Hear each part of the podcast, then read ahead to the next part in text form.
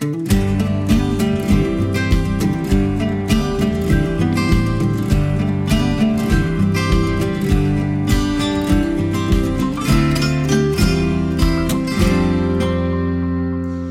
Idag ska vi prata om norra Sverige som en del av EU. Hur gör vi vår röst hörd och vad spelar egentligen medlemskapet för roll för oss som bor och verkar i norra Sverige? Varför ska vi bry oss och hur kan vi påverka och vilka lokala och regionala frågor är det egentligen som har koppling till arbetet i Bryssel? Du lyssnar på Regionpodden och jag heter Elin Leonberg.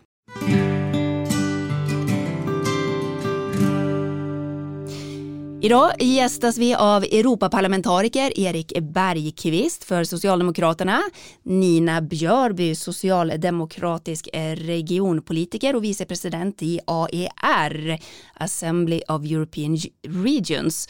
Och med på telefon från Bryssel har vi John Kostet som jobbar på North Sweden. Välkomna till Regionpodden. Tack så mycket. Jag tänker att vi ska börja med att eh, prata om vi som bor och verkar i norra Sverige. Bryssel ligger ungefär 200 mil härifrån eller någonting. Varför ska vi bry oss om vad som händer nere i Bryssel? Erik? Mm, ja, därför att eh, många av de utmaningar som, som vi står inför, det, det är ingenting som är begränsat bara till norra Sverige eller Sverige, utan det är sånt vi måste samarbeta kring. Eh, inte minst eh, klimatfrågorna kan vi se. Men, men också som en region i världen, om man tittar på EU, där vi ligger långt framme på många områden, men där vi ser att enskilda länder och regioner är för små. Så det som sker i EU är sånt som, som måste ske på den nivån, men som också påverkar oss. Mm. Nina, vad säger du? Ja, men jag tänker det är ju, det är, hela vårt liv bygger ju på relationer och, att vi, och gemenskaper. Om det så väl är en liten by eller om det är det stora EU. Eh, om, om då Västerbotten håller sig utanför de sammanhangen så, så blir det ju jättesvårt. Så att det är ju inte bara påverkansarbetet och eh, de delarna utan också att vi är en del av något större. Mm. Ja, du finns på plats eh, i Bryssel och ni har ert kontor där nere. Utifrån ditt perspektiv, varför tycker du att vi ska bry oss? Ja, men jag tror att vi ska bry oss för att eh, Europasamarbetet blir nog lite grann vad vi gör det till.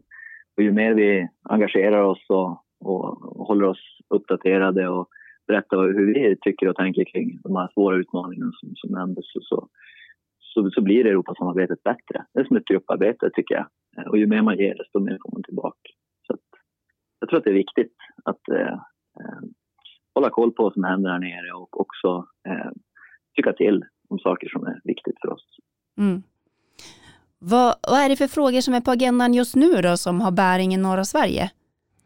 Ja, just nu så är det ju hela den gröna omställningen och där blir det ju väldigt konkret för, för norra Sverige. Det finns en rätt nyinstiftad EU-fond, Fonden för en rättvis omställning, för att kunna klara av att ställa om industrier som idag släpper ut mycket koldioxid. Och där är då Västerbotten och Norrbotten två av fyra regioner i Sverige som kan ta del av de här pengarna för just göra den här omställningen, bland annat kring fossilfritt eh, stål.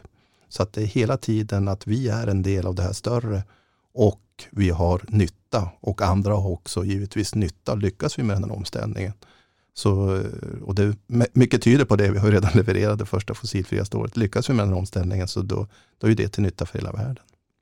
Mm. Ja, men, och jag, jag tänker också AER, Assembly of European Regions, det är, det är en medlemsorganisation, ett nätverk. Och precis som John säger, det är vad vi gör det till. Och där hittar vi ju våra kompisar i, i olika frågor. Det kan vara regionala flygplatser, det kan vara EUs livsmedelspolitik, men också samma samarbeten och projekt vi behöver göra över nationsgränserna, vi, vi regioner. Till exempel när vi hade den stora flyktingströmmen. Hur, hur jobbar vi tillsammans och på, med vilka verktyg och på vilket sätt? Så det, det, är både sånt som kan vara konkret på agendan men också hur vår vardag ser ut i, i rent regionalt. Mm. John, har du några andra frågor som du jobbar med just nu? Nej, utan jag, det jag försöker fokusera på här det är ju den här berättelsen om, om allt som händer och sker i norra Sverige och hur vi kan, kan, kan bidra eh, på, på, till, att, till att förbättra världen, eller vad säga, men till att göra den här, genomföra den här gröna omställningen.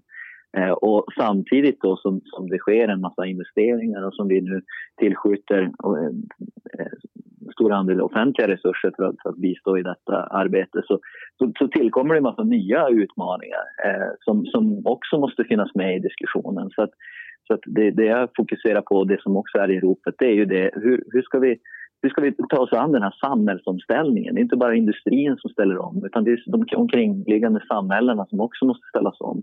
Och där är det inte självklart att, att det ska finnas resurser för det. Eh, och vi har kanske inte heller de konkreta svaren på hur vi ska genomföra det här utan det är, ju, det är en resa som, som har inletts nu och som vi behöver all, all, all hjälp och alla kloka tankar och idéer eh, tillsammans i Europa att, att komma fram till.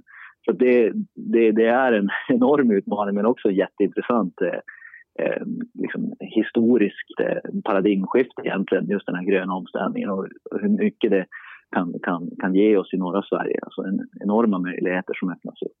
Mm. Så, eh, det, är väl, det, är, det är precis det, det är där i det vi är just nu, skulle jag vilja säga. Du jobbar ju på North, North Sweden EU Office i Bryssel eh, och ni företräder kommuner, regioner, företag, universitet för hela norra Sverige. Kan du berätta lite grann vad er uppgift är? Men det, framförallt är det ju att bevaka eh, allt som sker här, här nere. Eh, vi, vi ska ju vara liksom örat mot backen eh, och försöka snappa upp det som, det som är aktuellt eh, och se till att, det, att EU-lagstiftningsmaskineriet eh, går, i, går i rätt riktning, eller gynnsam riktning för, för norra Sverige. Skulle jag säga. Men, men jag skulle säga kanske ännu viktigare så handlar det om att att vi i norra Sverige kan, kan ta del av alla de möjligheter som Europasamarbetet också innebär. Alltså dels i, i resurser som vi var inne tidigare, olika typer av investeringar som kommer krävas. Men också det här samarbetet som Nina också nämnde att man, man gör i AIR, att man samarbetar tillsammans med andra regioner med, med liknande utmaningar och möjligheter. Och, och det finns enorma, alltså det finns stora möjligheter med Europasamarbetet men det ganska, kan vara ganska svårt att sortera i, i det här myllret. Och det är väl egentligen det som är vårt huvuduppdrag. Sortera och fånga upp det som är relevant och viktigt och det vi ser att norra Sverige skulle kunna eh, alltså ha, en, eh, ha, få en stor, ha en stor nytta i det. Eh, men sen är det också, det är ju upp till våra ägare också. Vad, vad är det man vill göra för någonting? Vad är det, vilka frågor är det som är viktiga? Och så får vi prioritera ganska kraftigt i vad vi gör. För vi har ju som alla andra begränsade timmar om, om dygnet. Så att det, det, det, gäller att liksom fokusera på det som är viktigt i norra Sverige, även här i Bryssel. Eh, och kunna informera Bryssel när, när saker och ting kanske inte går i, i den, i den eh, riktning eller linje som, som vi tycker är viktig i Västerbotten. Mm. Hur mycket samarbetar ni tre, Erik? Brukar, ja. Har ni något med varandra att göra? Eh, jo, absolut. Och för mig är det några av de viktigaste samarbetspartnerna, de Brysselkontor som finns. Och självklart då det Brysselkontor där jag bor för norra Sverige. Men också med, med regionerna. Eh, om jag inte har kontakt med både regioner och kommuner så vet jag ju inte vad som händer. Och den lagstiftning som vi håller på med, vi måste också veta hur den träffar. Så för mig är det absolut nödvändigt för att kunna göra ett bra jobb att hålla kontakter med, med regionala företrädare som, som Nina och eh, Brysselkontors eh, företrädare som Jan Kostet. Ja. Hur, pass, eh, hur, hur, tycker du att den där balansgången är då att liksom, eh, ha kopplingen till regionen och närområdet när du samtidigt sitter i parlamentet och ni pratar Europapolitik och ni, ofta liksom politik på en högre nivå. Hur, hur, går den balansen? Ja, men den går alldeles utmärkt. Och det, det ska jag säga är en styrka. Det blir en styrka för mig för den här politiken på högre nivå. Den, ska ju, den sker ju alltid lokalt. Vi, vi stiftar lagar i Bryssel, men det är ju i Umeå, i, i Norsjö, i Malå. Det är ju där som det här ska omsättas i praktiken. Så att de där måste hänga ihop. Och då måste jag ha en kontakt, en dialog, en samverkan för att faktiskt veta vad, vad är det som är angeläget nu. Och det handlar inte bara om regioner i, i norra Sverige utan för mig är det naturligt att egentligen prata med regioner i hela Europa och se många gånger hur man har samma problem och också samma möjligheter. Så att det blir på det viset ska jag säga att det, det blir en styrka både för EU-parlamentet och för regionen att vi har den här kopplingen och dialogen. Mm. Jag tänker att man brukar ju säga att eh, runt 60 procent av alla ärenden på, en, på ett kommunfullmäktige möte har någon typ av bäring i eh, e EU-politik. Kan ni ge några sådana konkreta exempel på, ja men så här, kan, så här kan det se ut, här landar det på, på det kommunala eller regionala bordet? Ja, men det, det, det är ju väldigt mycket. Alltså, vi jobbar ju med regional utveckling, samhällsutveckling och det rör ju väldigt många olika områden. Men om vi, om vi går tillbaka till den här gröna omställningen så är ju det, eh, det blir ju väldigt konkret i en, en, en stad som Skellefteå till exempel, eh, där eh, hela, hela Europas fordonsflotta ska ställa om. Eh, och eh, det, det, krävs eh, ett nytt sätt att tillverka batterier och det kan man göra på ett hållbart sätt i Skellefteå. Och hela den samhällsomvandling som sker i Skellefteå nu, det är ju europeisk politik som håller på att förverkligas. Så att alla de beslut om nya översiktsplaner och hur man ska dra vatten och avlopp och bygga bostäder och ja, fixa med bredband och allt som, som, som hör ett, ett, ett samhälle till. Det är ju, det, det är ju EU-politik i det stora hela. Eh, alltså det, det, är där som, som den här gröna omställningen leds, eh, bland annat. Eh, så det, det, ja, det, EU-politik är ju fina ord om grön omställning, och så, men, men, men som Erik också säger, all, all den här utvecklingen den ska ju ske på en plats. Eh, och, och den, den, platsen, eller de platserna eh, finns på flera ställen i norra Sverige nu. Eh, så att det, det, det, blir konkret när, när vi sätter spaden i backen eh, för att bygga en ny fabrik eller vad det nu kan tänkas vara. Eh, så att det är ju att, ja, att, att verkställa eh, den här ambitionen om, om fossilfrihet helt enkelt. Så, så ser jag det lite grann. Ja, men, och jag, jag, tänker också att det, det, är ju det lilla och det stora. Alltså allt från upphandlingsregler till, till vilka infrastrukturvägar som finns genom Europa. Och då också i förlängningen norra Sverige. Till de här stora utmaningarna som är med på längre sikt, lång sikt. Eh, och där, vi är ju beroende av varandra där. På, på alla nivåer och på, i de olika verksamheterna och organisationerna. Mm. Nej, jag, jag, skulle tro att siffran kan till och med vara högre än 60 procent nu. För tittar vi, det är ju allt mer som, som hänger ihop. Haven hänger ihop och vi har ju haft nu en, en stor diskussion om att vi har brist, eh, strömmingen har, har försvunnit. Och det där är ju ett EU-regelverk. Hur, hur mycket fisk vi får ta upp, vem som får ta upp den fisken och hur den får säljas. Så, så ytterst är inte det en, en svensk fråga hur vi hanterar fisket. Och det är ju på alla våra bord. Eh, sen mm, stålomställningen som sker, eh, batterifabriker, allting det där är ju beroende av dels den omställning som vi gör nu, men också av gemensam miljölagstiftning och sådana saker. Så att eh, börjar man titta så, så det som sker lokalt i våra kommuner och i, i våra regioner, så ser man att det hänger ihop med någonting annat. Och oftast finns EU med där direkt eller, eller indirekt. Och det, där, det, det är lite roligt att vara, vara politiker i Västerbotten. För I och med att Västerbotten alltid har förstått den här kopplingen och peppar peppar hittills inte börja isolera sig utan att vi är beroende av varandra. Vi behöver Västerbotten i världen men vi behöver också få in världen i, i Västerbotten. Ehm, för, för oss alla, såväl i vardagen som, som i de mer kanske komplexa strukturella frågorna. Och det där är jätteviktigt. Jag menar, vi är inte så många människor i, i Västerbotten eller norra Sverige. Och I och med det så har vi lärt oss att vi måste samarbeta över kommungränser, regiongränser. Och för oss har det då varit naturligt, för EU är en samarbetsorganisation. Men det gäller att hålla i det där och se att kan vi samarbeta egentligen på ännu fler nivåer så finns det bara gott, både för oss att vinna och givetvis de vi samarbetar med. Mm. Hur mycket inflytande skulle ni säga att vi har då i Bryssel? Ja, det beror på. Vi, har, vi är väldigt väl kända i Bryssel. Man lyssnar på oss vad gäller den gröna omställningen. Om vi tar EU-kommissionens ordförande von der Leyen, när hon presenterade hela det gröna omställningspaketet så nämnde hon ett konkret projekt. Och det var fossilfria stålomvandlingen som nu sker här uppe med Hybrid och, och Luleå.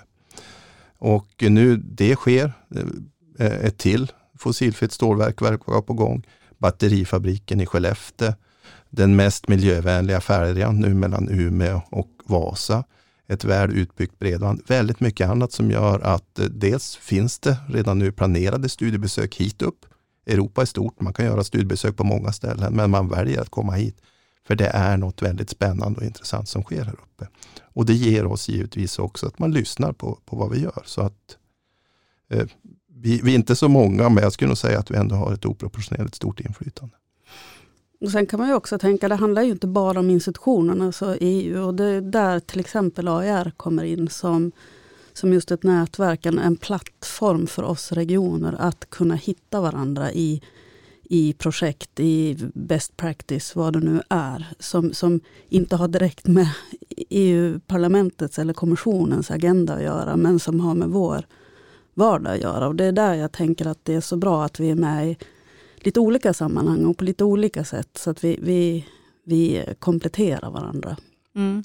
För AER, alltså det består av ungefär 170 regioner från runt 35 länder. Så det är ju alltså inte bara EU-länder utan det är andra länder runt om i Europa också som är med i det här nätverket.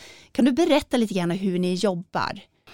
Det här bildades 85 eh, och det är som du säger också, det är inte bara EU-länderna utan eh, stora Europa. Ehm, och vi jobbar ju också internationellt i, i olika frågor. Eh, och det, till viss del är det en påverkansorganisation men det är lika mycket en lärande organisation och att hitta projektkompisar. Ehm, sen funkar AIR också som en regional röst. Så att det kan lika ofta vara att EU-institutionerna kommer till oss.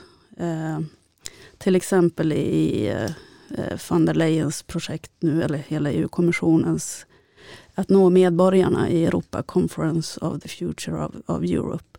Där AIR blir en regional del i det.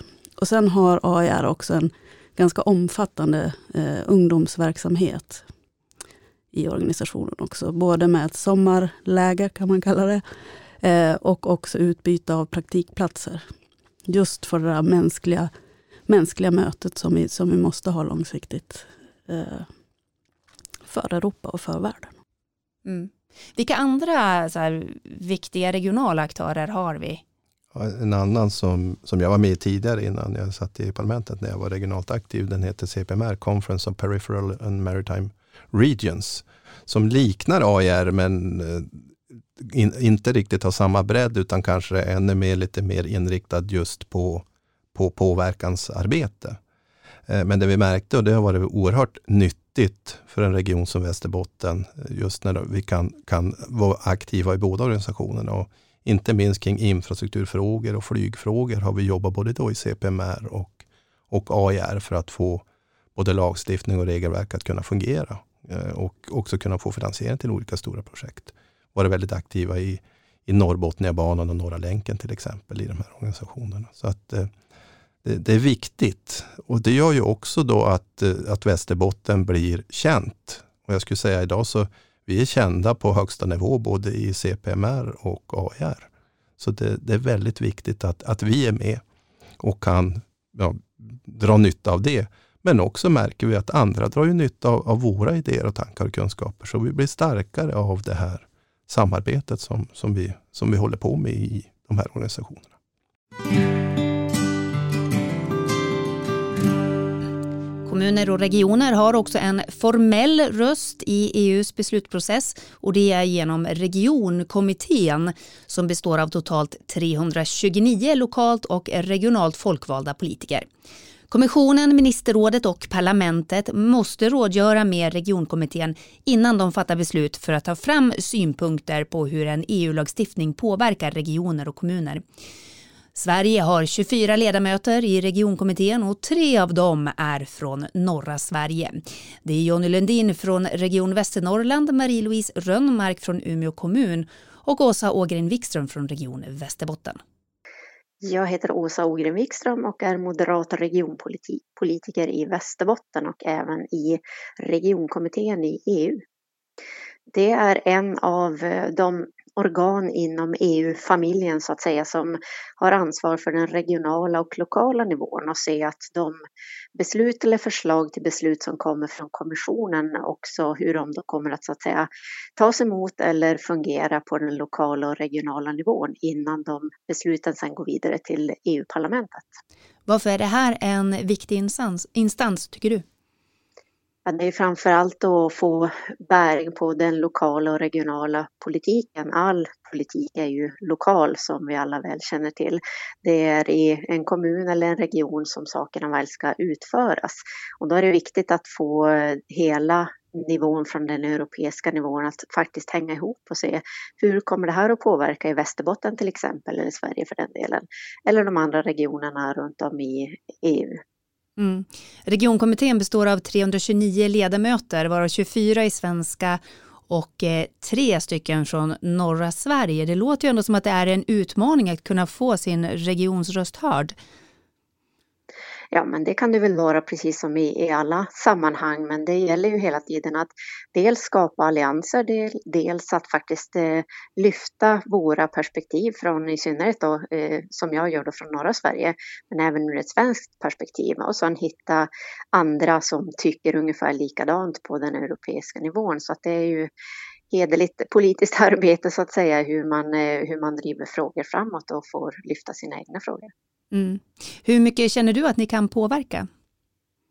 Ja, men en hel del faktiskt. Det är, I synnerhet nu kanske om man tar skogsfrågorna som ett väldigt konkret exempel så lyfter vi ju konstant, eller jag i alla fall kan jag prata för min egen del, men även ur en svensk kontext så lyfter vi ju hur kommer eh, skogsfrågorna att eh, påverkas i, för Västerbottens del eh, om olika förslag går igenom på den europeiska nivån. Så att det är ju hela tiden ett eh, lokalt och regionalt perspektiv som man kommer in med i de olika frågorna som är aktuella på EU-nivån. Mm. När i processen är det främst som ni har möjlighet att påverka? Ja, det är ju förstås så tidigt som möjligt vill man ju alltid komma in, precis som i alla frågor, när det, när det börjar diskuteras. När det väl har kommit beslutsförslag, då är det ju, ska det ju mycket mer till att ändra på dem. Så att det är ju i allt lobbyarbete innan, när man frågor är på väg upp, att vi träffar rätt personer och försöker verkligen lyfta våra perspektiv från norra Sverige. Det är alltid viktigt. Mm. Vilka frågor har du som har kopplingen till eh, norra Sverige som du driver extra mycket? Framförallt så är det ju mycket infrastrukturfrågor som är av stor vikt och värde för ja, dels Sverige. Vi är ju EUs till ytan tredje största land också det land som har längst mellan sina landsändar. Så allting som har med infrastruktur att göra är ju extremt viktigt. Och i, i synnerhet till allting som nu kommer att hända och är håller på att hända just nu i norra Sverige kopplat till infrastruktur och allting som händer med investeringar och så.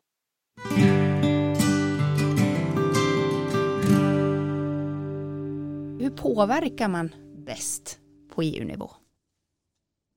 Erik? Ja, det handlar om dels att hur, ja, lära sig det, det, formella. Men sen handlar det om nätverk. Att lära känna människor, veta vad det är för saker som är på gång och så att man i grund och botten så handlar det om att ha, ha fakta och ha bra argument. Men också veta vilka människor, vilka formella möten är det som man ska presentera de här på. Så att det, det är ett eh, väldigt mycket människa till människa arbete på det här viset. Men sen också samverkan och som jag nämnde tidigare, samverkan med, med regioner och, och med Brysselkontoren. Och givetvis också med nationell nivå är oerhört viktigt här. Så att det, jag skulle vilja säga att det, det är ett stort grupparbete där man är en del i det här med, med min då unika roll som, som EU-parlamentariker. Mm. John, har du mycket kontakt med tjänstemännen inom kommissionen? Ja, absolut. Och det är väl, eh, det är väl, det är väl huvuduppgiften så att säga. Att de som personer som, som håller i pennan för de här strategiska eh, styrdokumenten eller policydokumenten eller vad det nu kan tänkas vara, att de har, att de har underlag att bygga sin, sin kunskap på. Eh, så att, så att jag, mitt, mitt jobb är att se till att de har allt det underlag de kan tänkas behöva och kanske lite därtill. Så att eh, det, det har jag absolut. Men igen, att, att om jag har med mig en, en, en en, en folkvald politiker så, så, så, lyssnar man ytterligare ett varv. Man kanske läser ytterligare ett varv på vad, vad vi har skrivit för någonting men man märker att det finns ett, ehm, ett, ett ledarskap bakom det vi har sagt och tyckt tidigare. Mm. Mm. Jag tänker beslutsprocesserna är ju eh, ofta ganska komplicerade på EU-nivå och forskare lyfter ofta fram vikten av att man är med och påverkar tidigt. Kanske redan eh, när kommissionen lägger sin grönbok och alltså deras, när de lägger fram ett förslag. eh, eller innan de har lagt fram ett förslag ska jag säga. Eh, hur bra är ni på att vara med och jobba redan innan förslagen kommer på bordet så att säga? Ja, men ofta är ju de förslag som kommer är ofta en del av, ett, en större process inom ett politikområde. Och i och med att vi jobbar så pass processorienterat, man ska säga, att man, man, man håller koll på ett politikområde, så, så kom, när de initiativen kommer så är det inte eh, det är inte så förvånande. Ibland kan det vara det. Och då, då har man ju kanske inte gjort sin hemläxa. Utan ofta så vet vi att ja, men man har en ambition eh, och sen så ska det då eh, kring ett politikområde och sen så ska det verkställas och då tar man fram en rad olika initiativ som ligger i linje med den eh, ambitionen. Eh, så att, så att eh, på det stora hela så, så, så, försöker vi hålla oss uppdaterade eh, men, men, men jag tror också att man får, man får hantera eh, saker och ting när det uppstår och framförallt när det uppstår saker som, som, som kan tyckas vara lite eh, oväntade, alltså där man, där man har resonerat lite, lite annorlunda. Eh, som är, ja, det är ju ingen ny fråga egentligen, men, men en het fråga här nere det är ju alltså EUs skogspolitik. Och, och, där har man ett an, annorlunda perspektiv eh, och där får man bevaka dagligen eh, hur man uttrycker sig kring skogen. Just för att det, det, kan skilja sig så pass mycket från, från hur, vi, hur vi ser på det i, i norra Sverige, eh, exempelvis. Mm. Men absolut, vi, vi försöker hålla oss ajour. Eh, det, det är det vi är till för. Att vara just den här, här örat mot backen och, och, höra, och känna av vars EU eh, är på väg i olika, på, inom olika områden. Mm. Erik, i din roll som parlamentariker, är du inne någon gång och försöker liksom, eh, lobba mot tjänstemännen på kommissionen? Ja, vi har ju kontakt med dem också. Sen har vi våra egna processer. Att det, det är väldigt speciellt som du säger att vi har två lagstiftande församlingar, EU-parlamentet och ministerrådet. Och sen är det kommissionen som lägger förslag. Och då fungerar det så när det kommer ett förslag från kommissionen, då blir det en huvudansvarig och sen blir det då sidoansvariga från, från övriga partier för att ta fram parlamentets eh, förhandlingsposition. För sen ska ju det här slutförhandlas med ministerrådet. Och då är det viktigt att man vet vad är det för filer som vi kallar det då, som är på gång och eh, vilka är då intressanta för oss. Och där har jag försökt eh, ta det sånt vad kan vara lite extra intressant för, för norra Sverige. Och just nu så håller vi på att slutförhandla Europas energiförsörjning och det blev väl mer aktuellt än vad vi trodde.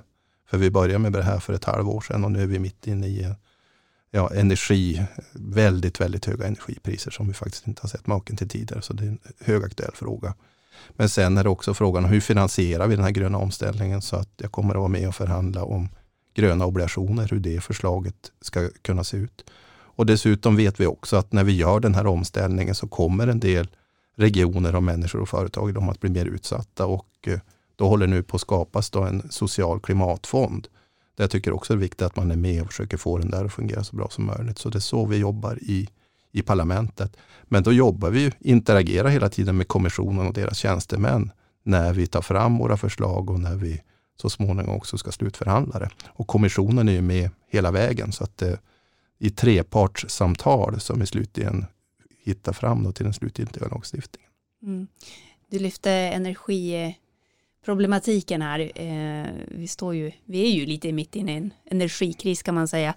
Eh, vad är det som sker just nu på EU-nivå där och hur, vad kan hända för Sveriges del? Ja, kommissionen har ju lagt förslag och, och, det är framförallt egentligen på lång sikt eller medellång sikt som kommissionen eller EU kan göra en skillnad. Och då handlar det om dels det som jag håller på med, att se till att, Euro, att energin kan flöda fritt, att det inte finns flaskhalsar framförallt i elöverföringen mellan Europas länder och regioner. Så att energin kommer dit den gör mest nytta och där har vi många flaskhalsar kvar. Sen måste vi snabba på investeringarna i grön energi så att vi har mer energi när en sån här sak inträffar. Och vi måste också, och det är för att göra oss mindre beroende av dels när, som nu när vi går ur en lågkonjunktur och industrin börjar tuffa på igen, samtidigt då som Ryssland drar ner på gasleveranserna. Så vi måste få fram mer grön energi så vi inte är beroende av ryska fossilgasleveranser. Och det här påverkar ju Sverige. När energipriserna stiger i Europa och, och även i, i världen, så det är klart de stiger även i Sverige. Men i och med att vi har Europas högsta andel av grön energi så är vi lite, lite säkrare. Vi är faktiskt lite mindre påverkbara just när det blir en sån här energikris. Så, så priserna har stigit väldigt mycket i Sverige, ja, men vi är långt ifrån den problematiska situation som en del regioner och länder är i Europa. Mm.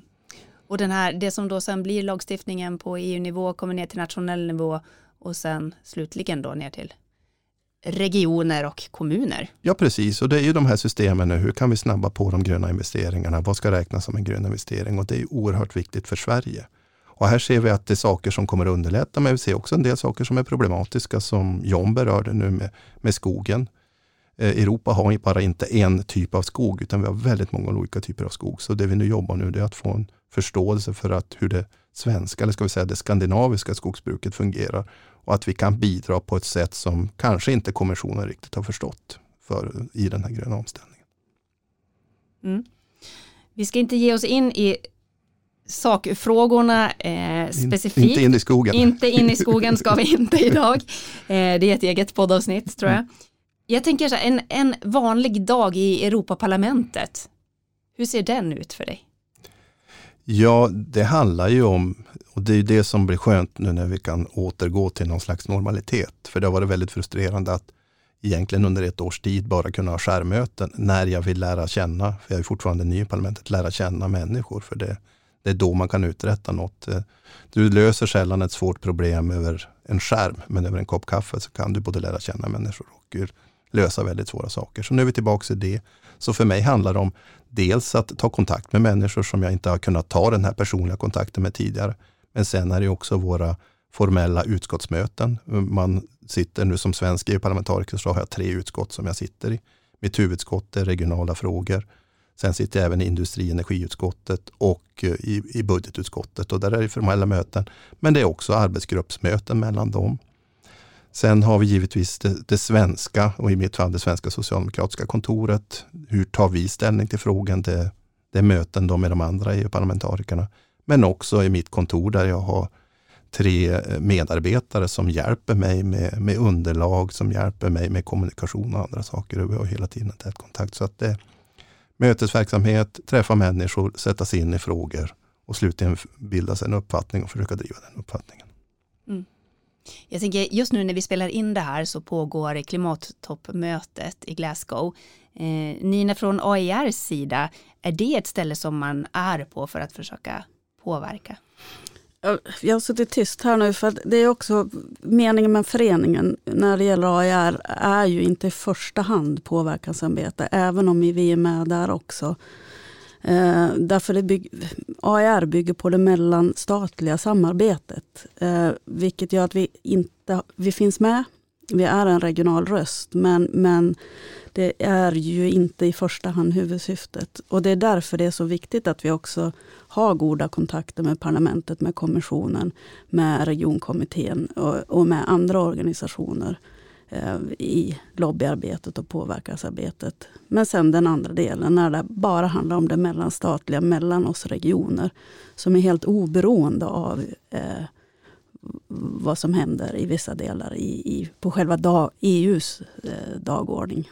Mm. Men hur ser det ut då? Vilka regioner är det som vi oftast samarbetar med?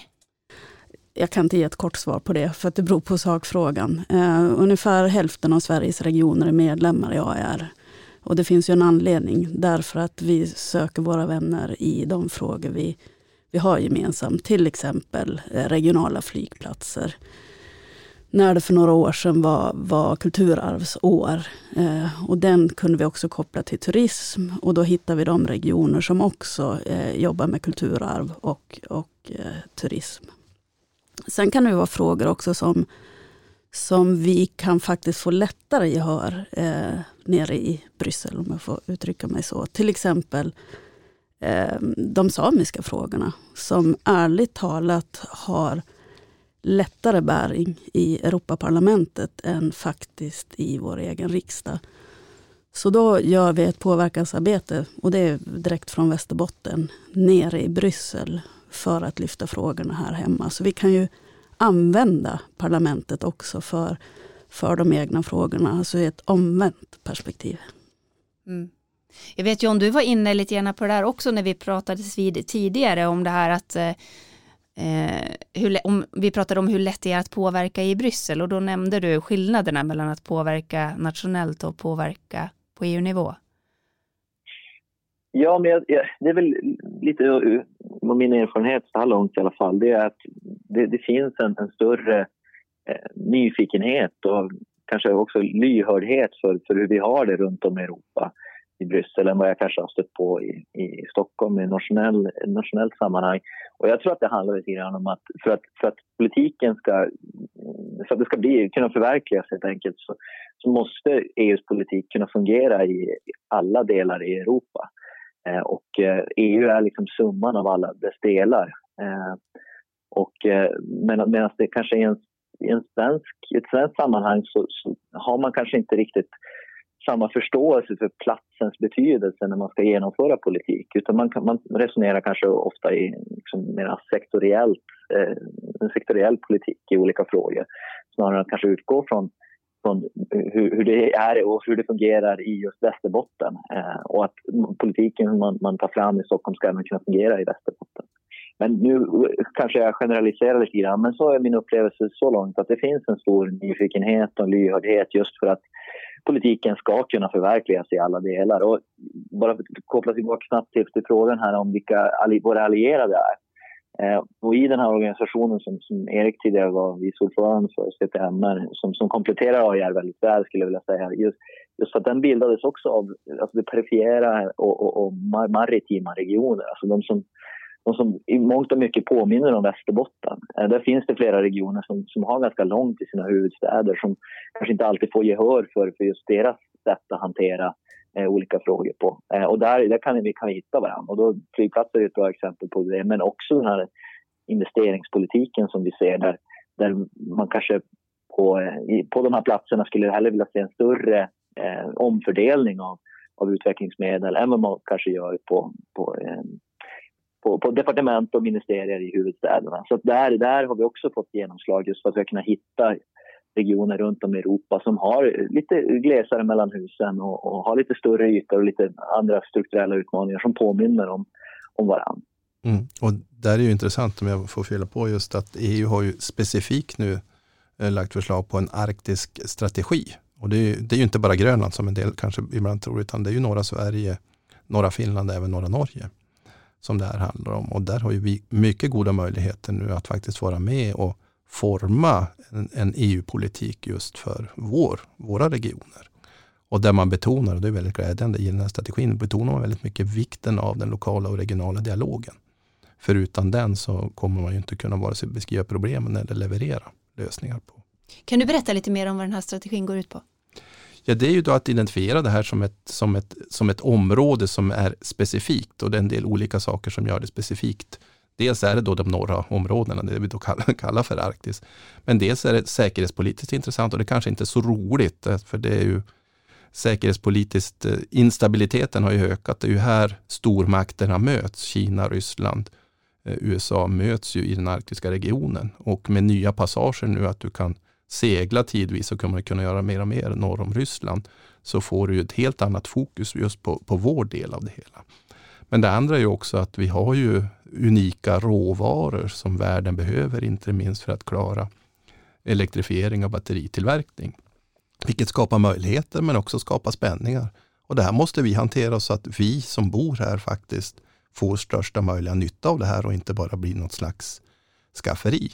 Samtidigt ser vi också att klimatförändringarna märks tidigast här uppe, men vi får väldigt ska vi säga, svängiga vintrar och även svängiga somrar. Även om kanske effekterna i slutändan inte blir de största här, men det är här vi märker av det tidigast, vilket också har fått en, en miljödebatt och en, en, en bra miljödebatt. Men samtidigt, vi måste kunna fortsätta att leva här. Det är inte ett museum som, som vi bor i. Så att jag tycker det är viktigt att vi får diskutera förutsättningarna, de unika förutsättningarna vi har här. Men också att det är faktiskt en plats där människor bor och, och försöker forma sina liv. Så det är bra nu att vi får den här möjligheten att tillsammans med EU-kommissionen som Arktis region prata och eh, försöka hitta lösningar på våra unika förutsättningar. Mm. Om vi ska prata engagemang då, vi, ni har varit inne lite grann på eh, att påverka på nationell nivå kontra EU-nivå och att i vissa fall kan vara enklare på, på EU-nivå. Men hur upplever ni engagemanget bland politiker och eh, näringsliv, andra aktörer, organisationer och så vidare som inte är, jobbar med de här frågorna. Eh, i den utsträckning som ni faktiskt gör? Förstår man vad som händer på EU-nivå och är man engagerade? Ja, men vi har många kompisar. Eh, Allt ifrån enstaka projekt i form och design till, till de här större frågorna som vi har varit inne mycket på idag. Eh, sen är ju en politikers vardag som den är. Och jag tror särskilt i pandemin så har det handlat väldigt mycket om det. Ehm, så att ibland ja, kan det kännas lite ensamt att, att ha, ha Europapolitik och internationell samverkan på, på sitt bord. För vi blir några stycken som bär det. Ehm, men där måste man ha en förståelse att, att den politiska vardagen eh, måste ju också hanteras. Men jag hoppas nu när vi kommer ur det här att vi igen hittar tillbaka. För precis som du säger, det påverkar och vi har näringslivet med oss och de organisationerna. Eh, och andra föreningar och verksamheter som, som också jobbar över, över nationsgränserna. Och det är vi ju ganska många som gör. Mm. Vad säger du Jan? Nej, men jag skulle vilja säga att det, det är sakfrågor som engagerar eh, och då, då, då varierar det såklart. Eh, men att Eh, tar man fram lagstiftning som gäller skogen än en gång så då kan man räkna med att både skogsägare och skogsindustri och andra intressenter i, i norra Sverige är väldigt aktiva och engagerade. Eh, så att det där varierar beroende på sak. Eh, och precis som det gör i en kommun tänker jag, att man är, man är engagerad i kommunpolitiken om, om, om ens egen hjärtefråga för sin, sig själv eller sin, eh, sin organisation påverkas. Eh, så att, det, det, varierar och jag tror att man, man också gör misstag. När vi pratar om EU-politik så, så pratar vi om allting samtidigt, eller kanske förvaltning eh, och går in på EU-institutionerna om vad som är vad. Eh, snarare än att kanske kommunicera just i, i, sak, för att det är det som folk kan ta till sig eh, på ett bättre sätt. Och jag, menar, jag tycker också att vi är lite elaka ibland och säger det, men att, att, att vi, är, vi är dåligt uppdaterade generellt på hur EU-systemet fungerar. Men jag är ganska övertygad om att den, van, den gemene eh, medborgaren i en kommun har inte heller så jättestor koll på vad som är ett arbetsutskott, styrelse, nämnd eller fullmäktige och vem som är vad. Utan det, och det, det är kanske inte just det som spelar roll, utan det är sakfrågan som, som, som är viktig. Så jag tror att vi kan bli bättre på att kommunicera också eh, EU-politik genom att prata om det som är innehåll och det som, det som eh, berör eh, folks intressen. Jag skulle vilja kom komplettera också, men även om då går vi väldigt bort kanske från det konkreta som du har varit, varit ute efter. Men det är också nu när vi tittar ut över världen, så tyvärr så tillhör Sverige en av de få högdemokratiska länderna. Jag tror bara vi börjar vara en 10 procent nu i världen. Därför det vi ser det är att det går bakåt. Att bli mer och mer auktoritära stater i världen. Och då blir ju allt det arbete vi gör Eh, över, över länsgränser, över nationsgränser ännu viktigare. Så att det sämsta vi kan göra nu det är att börja isolera oss och, och kanske ibland falla för populism att vi, vi bara ska verka i, i Västerbotten. Det, det, skulle vara livsfarligt skulle jag vilja säga långsiktigt. Mm. Om vi då avslutningsvis lyfter just blicken, eh, Erik, vad skulle du säga är nu, nu när Storbritannien har lämnat EU, vilka är det som är Sveriges allierade och ofta tycker lika som Sverige? Ja, vi tappar ju på ett sätt vår, vår stora kompis i Storbritannien. Vi hade väldigt mycket samsyn i många frågor. Både frihandel, gemensam lagstiftning och sådana saker. Men de som ju ligger närmast oss nu, och det kan ju bli ännu lättare nu om vi får då, ja från mitt perspektiv, då, en socialdemokratisk regering, det är ju Tyskland. Som är ju en, en, en framtida, eller nuvarande, men jag skulle säga ännu mer i framtiden, en framtida bundsförvant i olika saker och ting. Och det här kommer att bli allt viktigare, inte minst det som, som eh, Nina säger, just att demokratin är på allvar hotad i många av de europeiska länderna. Och tittar vi runt i världen så ser det ju absolut inte bättre ut där, utan det handlar ju om att bygga ett demokratiskt EU, att stärka det. Och på sikt också givetvis för att försöka få tillbaks eh, Storbritannien, för vi har enorma utmaningar att klara nu det som nu sker då i Coop. Klara klimatet men också faktiskt att klara en fredlig utveckling måste vi på allvar börja diskutera. Och en förutsättning för att klara någon av de här frågorna det är att vi har en stark demokratisk utveckling. Och för ett litet land som Sverige vore det fullständigt förödande om vi skulle börja isolera oss. Vi är så beroende av omvärlden att det, det skulle vi inte faktiskt eh, klara av de sakerna. Och det är det som man ibland glömmer bort. Att man, man kan tycka vad man vill om, om EU. Och jag kan vara både kritisk och, och positiv, men EU är ju ett lagstiftande församling. Det är ungefär som riksdagen, att jag kan tycka bra och dåligt om de beslut som fattas där. Men i grunden så behöver vi en riksdag om vi ska kunna fatta beslut på rätt nivå. Och det är samma sak, i grunden behöver vi EU om vi ska kunna fatta beslut på rätt nivå. Och där ser vi nu en utveckling i EU som man skulle säga har både påskyndats och aktualiserats av pandemin. Där man i EU, och här hänger inte Sverige riktigt med, i EU pratar allt mer samarbete. Inte minst på sjukvårdsområdet, vilket är någonting helt nytt. Och här måste Sverige vara med om det ska bli så bra som möjligt från ett gemensamt europeiskt perspektiv. Så måste både fler länder och definitivt också Sveriges regioner vara med och diskutera sjukvårdsfrågan. Men också andra sociala aspekter och allt mer gemensamt för att klara klimatomställningen. Så det sker väldigt, väldigt mycket sakfrågor och jag tror inte riktigt vi har förstått det.